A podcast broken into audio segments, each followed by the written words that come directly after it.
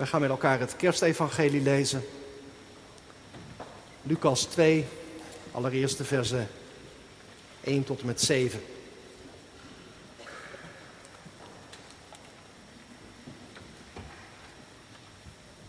En het geschiedde in die dagen dat er een gebod uitging van keizer Augustus dat heel de wereld ingeschreven moest worden.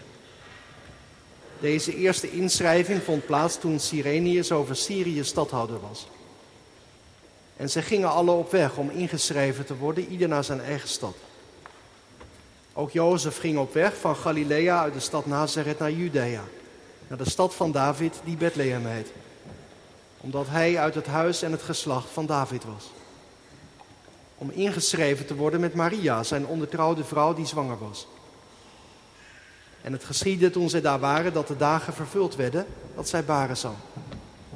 En zij baden haar eerstgeboren zoon, wikkelde hem in doeken en legde hem in de kribbe, omdat er voor hen geen plaats was in de herberg. Tot zover de eerste lezing.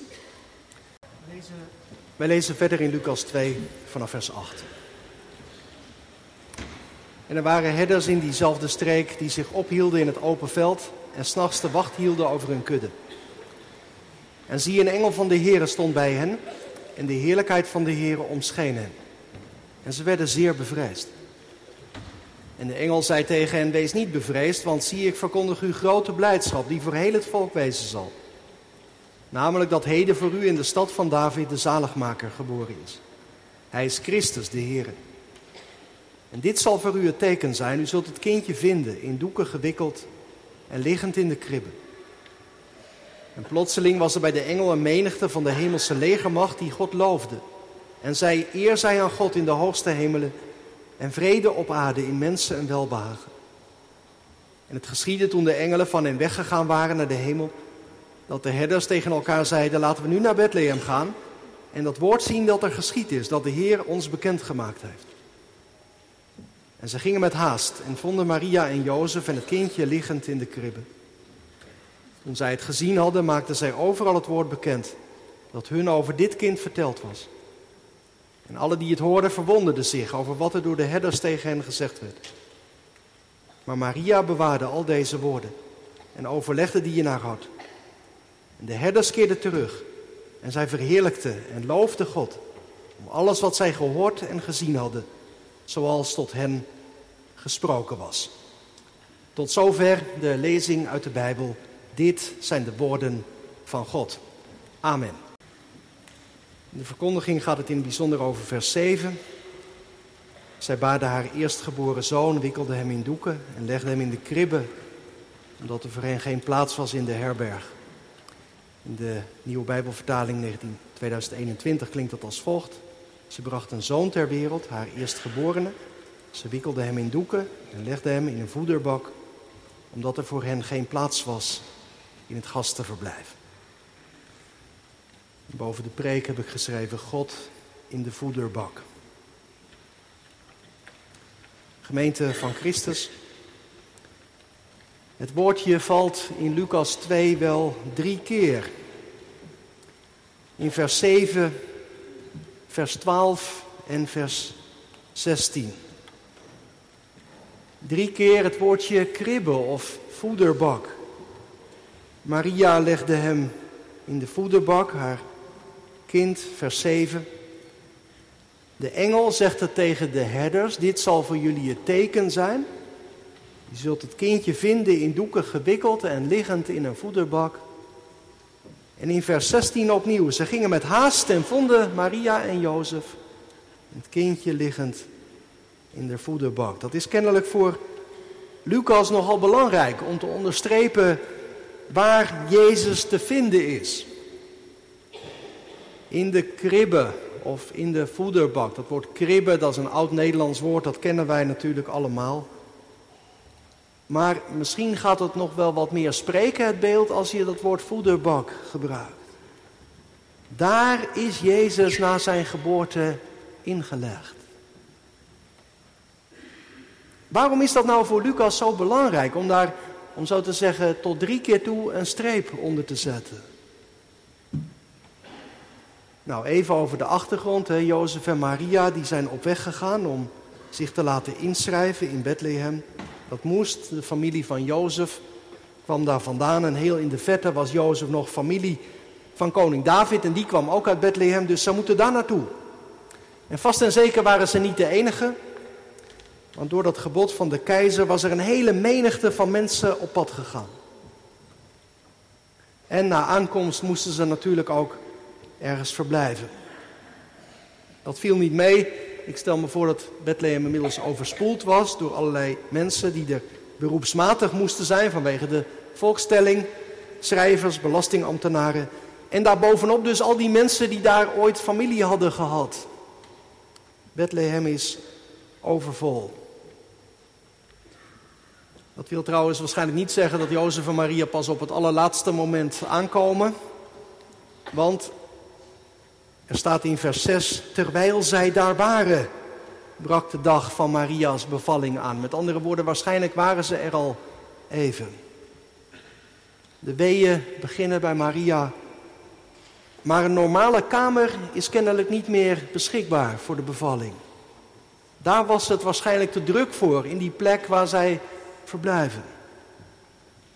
En dus moeten ze uitwijken naar een rustige plaats waar het kindje geboren kan worden. Waarschijnlijk in de ruimte waar de dieren verblijven. In een stal of in een grot. In ieder geval dus in een ruimte waar ook een voederbak stond. En daar komt het kind van Maria ter wereld. Een wiegje is er niet. Als Jezus geboren wordt, wikkelt Maria hem in doeken en legt hem in die voederbak. Dat is kerst. God in de voederbak. Jongens en meisjes in de kerk, als ik aan jullie zou vragen, waar zijn jullie geboren? Nou ja, dat weet je natuurlijk zelf niet, maar dat heb je vast gehoord. Ehm, de meeste kinderen hier in de kerk die zullen of in het ziekenhuis zijn geboren of thuis. En ik denk dat er voor jullie allemaal ook een heel mooi wiegje klaar stond. Toen je was geboren, toen werd je gewassen en in het wiegje gelegd. Maar Jezus, als hij geboren is, dan wordt hij in een bak gelegd waar de dieren uit eten. Dat zou je toch nooit van zijn leven verwachten, of wel? Als ik nou aan jullie. Stel je voor dat je het kerstverhaal niet zou kennen. Je zou alleen weten van Jezus en dat hij bijzondere dingen had gedaan. En dan zou ik aan je vragen, waar denk je dat Jezus geboren is? Nou, dan zou je zeggen, ik denk um, in een paleis. In een paleis van een koning in Jeruzalem, want daar hoort Jezus thuis. Of misschien, als je nog even wat verder zou denken, zou je zeggen, nou, misschien wel in de tempel. Want Jezus hoort helemaal bij God en de tempel is het huis van God. Dus daar zal Jezus dan wel geboren zijn. Misschien wel in het meest heilige stukje van de tempel. Daar zou je de geboorte van Jezus verwachten. Maar nee, zo gaat het dus niet. Bethlehem is het een klein stadje. En niet in een mooie kamer, maar in een verblijfplaats van dieren. Niet in een wieg, maar in een voederbak. En dat is kennelijk heel bijzonder, want de engel noemt dat tegen de herders een teken. Dit is voor jullie het teken dat het kind daarin is gelegd. Een teken dat iets duidelijk maakt van dat kind dat zojuist is geboren. Wat maakt dit teken dan duidelijk over Jezus? Nou, allereerst dit, denk ik. Jezus die werd geboren in roerige tijden. Mensen werden gedwongen om op reis te gaan. Ze werden als het ware verdreven van huis en haard, geëvacueerd. En ik hoef u niet te vertellen, dat gaat tot op de dag van vandaag zo door. Een onaflatende stroom van mensen beweegt zich over deze wereld. Omdat ze niet langer kunnen blijven waar ze thuis hoorden. Vanwege oorlogen of economische omstandigheden of natuurrampen. Wij kennen de beelden van mensen op de vlucht, improviserend om te overleven met alleen het hoognodige. Die voederbak zegt me dat Jezus zelf in die nood heeft gedeeld. Het duurt trouwens niet lang of Jozef en Maria moeten op de vlucht met Jezus. Zijn leven loopt gevaar. Die voederbak die maakt daar van meet iets van zichtbaar. Dat dat mens zijn van Jezus wordt getekend door de nood. En gemeente, daarin komt hij dus heel dichtbij. Dat moet je heel goed horen vanmorgen. Jezus is afgedaald in de gebrokenheid van het leven. In de nood, in de ellende, in het verdriet, in de zwakheid. Hij werd er notenbenen middenin geboren. En ik hoop dat je dat hoort als een troostend evangelie. Want ik weet heel goed dat juist de feestdagen vaak weer oude wonden kunnen openrijten bij mensen. Een gemis dat er iedere dag toch al is, dat kan juist op zulke dagen nog zwaarder voelen. Jezus werd geboren in de nood. Hij is erin afgedaald, hij heeft daarin gedeeld. En daardoor kent hij jou ook en weet hij precies wat je voelt. Weet hij wat we meemaken en hoe we als een berg kunnen opzien tegen de feestdagen. Weet hij hoe we ons voelen als we juist rond kerst verdrietig zijn. God is mens geworden bij jou en bij mij, maar ook bij al die leidende mensen in deze wereld. Jezus weet ervan, hij heeft dat lijden zelf op zich genomen. Dat is wat die kribbe allereerst zegt.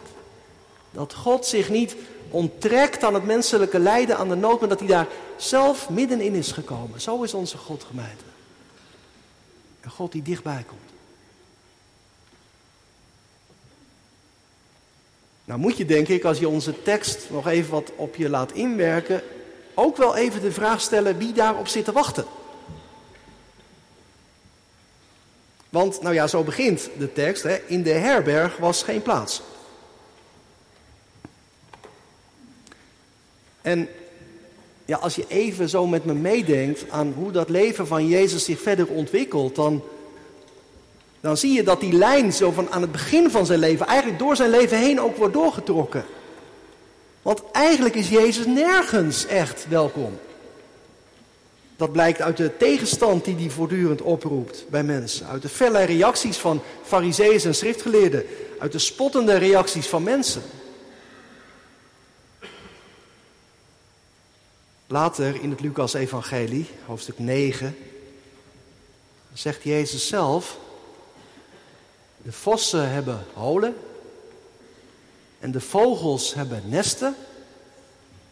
Maar de mensenzoon, dan heeft hij het over zichzelf... De mensenzoon heeft geen plaats waar hij zijn hoofd te rusten kan leggen. Eigenlijk zegt Jezus daarmee, nou wat er aan het begin van mijn leven al zichtbaar werd, er was voor mij geen plaats in de herberg.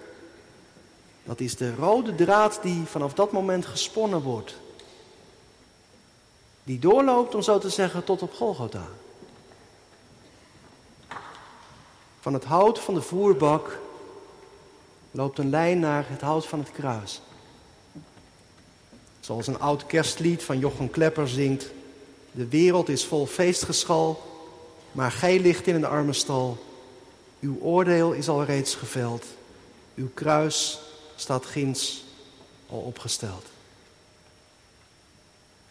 Het begint in een voorbak, het eindigt aan een kruis. Geen plaats op aarde, verlaten door mensen. Geen plaats in de hemel, verlaten door God. Volstrekt alleen sterft Christus.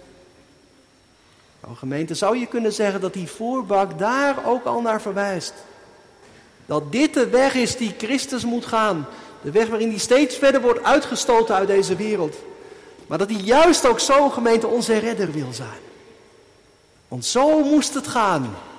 De woorden uit Filippenzen 2, hij heeft zich vernederd en werd gehoorzaam tot de dood. Ja, de dood aan het kruis. En daarom heeft God hem ook hoog verheven.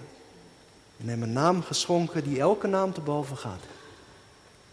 De vernederde Christus is ook de verhoogde Christus. Het kind in de voederbak, de redder van de wereld. Hij die door iedereen werd afgewezen, zoekt iedereen op in zijn liefde. En zo komt hij vandaag ook naar jou en mij toe. Hij vraagt toegang tot je leven, tot je hart. Zie, ik sta aan de deur en ik klop. Ik las een verhaal over een school voor speciaal onderwijs die een kerstviering aan het voorbereiden was. De rollen voor het kerstspel moesten worden verdeeld. En één jongen wilde ook heel graag een rol. En dan vooral een rol waarbij hij ook iets moest zeggen. De leerkrachten aarzelden of hij dat wel zou aankunnen. Maar goed, hij was heel vasthoudend en uiteindelijk zeiden ze, weet je wat? Jij mag de herbergier spelen. En als Jozef en Maria dan aankloppen aan de deur van de herberg, dan moet jij de deur open doen. En als ze dan vragen of er een plaatsje is voor de nacht, dan moet jij alleen maar zeggen, geen plaats. Meer niet. Toen was het zover. De kerstviering begon. De herberg was ingericht. Een groep kinderen uit de klas speelde de gasten in de herberg. Maria was aangekleed met een kussen onder haar trui. En samen met Jozef sjokte ze vermoeid naar de deur van de herberg. Ze klopte aan en de jongen deed open. Ach meneer, zei Jozef, heeft u een plaats voor de nacht? Wij lopen al drie dagen en mijn vrouw zal heel gauw een kindje krijgen. De jongen staarde hen aan. Nu moest hij de tekst gaan zeggen, maar er gebeurde niets. Iedereen hield zijn adem in. Maar het bleef stil en de jongen stond daar maar als aan de grond genageld. achter hem, in de herberg, begonnen de andere kinderen te fluisteren. Geen plaats! Je moet zeggen, geen plaats.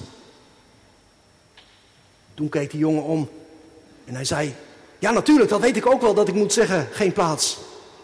Maar ze mogen wel mee naar mijn huis, naar mijn kamer. Dan ga ik wel ergens anders slapen. Hij moest hard zijn, maar hij kon het niet. Het lukte niet.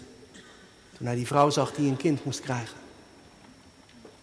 Hij kon niet meer de rol spelen die hij moest spelen van zijn omgeving.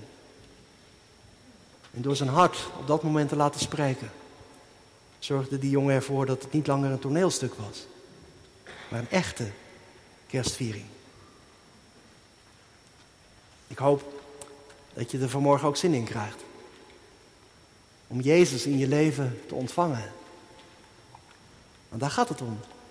Hij is voor jou in de kribben gelegd. Voor u is hij gekomen. En het is hard nodig, gemeente, dat wij Jezus ontvangen in ons leven. Ik zal tijdens de voorbereiding deze week een kerstpreek te luisteren van Karl Barth. Die naam kent u misschien helemaal niet, maar is een van de meest bekende theologen uit de 20e eeuw. En bijzonder dat hij na zijn emeritaat altijd is blijven preken. En met name wel in de gevangenis van Basel in Zwitserland. En veel van die preken zijn bewaard en opgetekend. En in zijn kerstpreek over dit gedeelte zegt hij: De ruimte van ons leven, die lijkt wel wat op de stal waarin Christus geboren is. Het is daar allemaal niet keurig opgeruimd. Wij ontvangen Christus niet als nette mensen bij wie alles op orde is. Nee, wij ontvangen Hem als mensen bij wie van alles mis is. We ontvangen Hem als zondaren. Die geleerd hebben dat ze niet zonder Jezus kunnen. En zo zeker als Christus geboren wilde worden tussen de dieren. En neergelegd werd in een voederbak. Zo zeker wil hij ook in jouw leven komen. Zo zei Karel Bart al tegen die gevangenen daar in Basel. En zo zeg ik het vanmorgen tegen u en tegen jou. Christus ontvangen in je leven. Ten slotte, hoe doe je dat dan praktisch? Nou, daar kun je natuurlijk heel veel over zeggen, maar vandaag zou ik vooral dit zeggen. Dat begint met verwondering. Verwondering daarover dat de hoge, heilige God zo deze wereld is binnengekomen. Als een klein, kwetsbaar kind. Verwondering daarover dat hij zich niet te groot voelt om bij jou binnen te komen. In jouw leven, waar het vaak zo'n chaos is. Waar zoveel mis is, waar zoveel stuk gemaakt wordt. Maar hij komt er middenin. En hij zegt het vandaag, ik ben voor jou geboren. Hier ben ik, om jouw leven te redden. Meent, het kan toch niet anders, of dat verandert je leven. Je wil toch niet zonder deze Jezus, of wel? Met de woorden van de carol die zo klinkt. Be near me, Lord Jesus. I ask you to stay. Close by me forever. And love me, I pray. Wees dicht bij mij, Jezus. Ik bid u om voor altijd dicht bij me te blijven en om van mij te houden. Of met de woorden van het lied dat we daarna zingen. O neem mijn leven, geest en hart en laat mijn ziel in vreugde en smart bij u geborgen wezen. Lof zij u Christus in eeuwigheid. Amen.